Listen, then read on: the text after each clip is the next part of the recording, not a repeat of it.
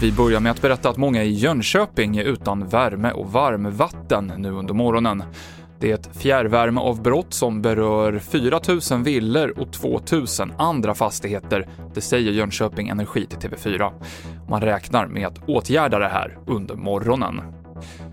Det är tuffa tider för lunchhaken. När många jobbar hemifrån under coronapandemin så har lunchrestauranger i stadskärnor och vid kontorskomplex i snitt tappat halva sin omsättning.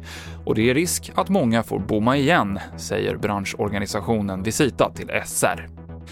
Och antalet bekräftat coronasmittade i världen närmar sig 40 miljoner enligt Johns Hopkins-universitetets sammanställning. USA har flest med över 8 miljoner, sen följer Indien och Brasilien. Och även lite motion gör stor skillnad för äldre över 70 år. Det visar en studie från Umeå universitet. En halvtimmes lågintensiv fysisk aktivitet per dag minskar risken för stroke, hjärtinfarkt och förtida död med 11% TV4-nyheterna med Mikael Klintevall.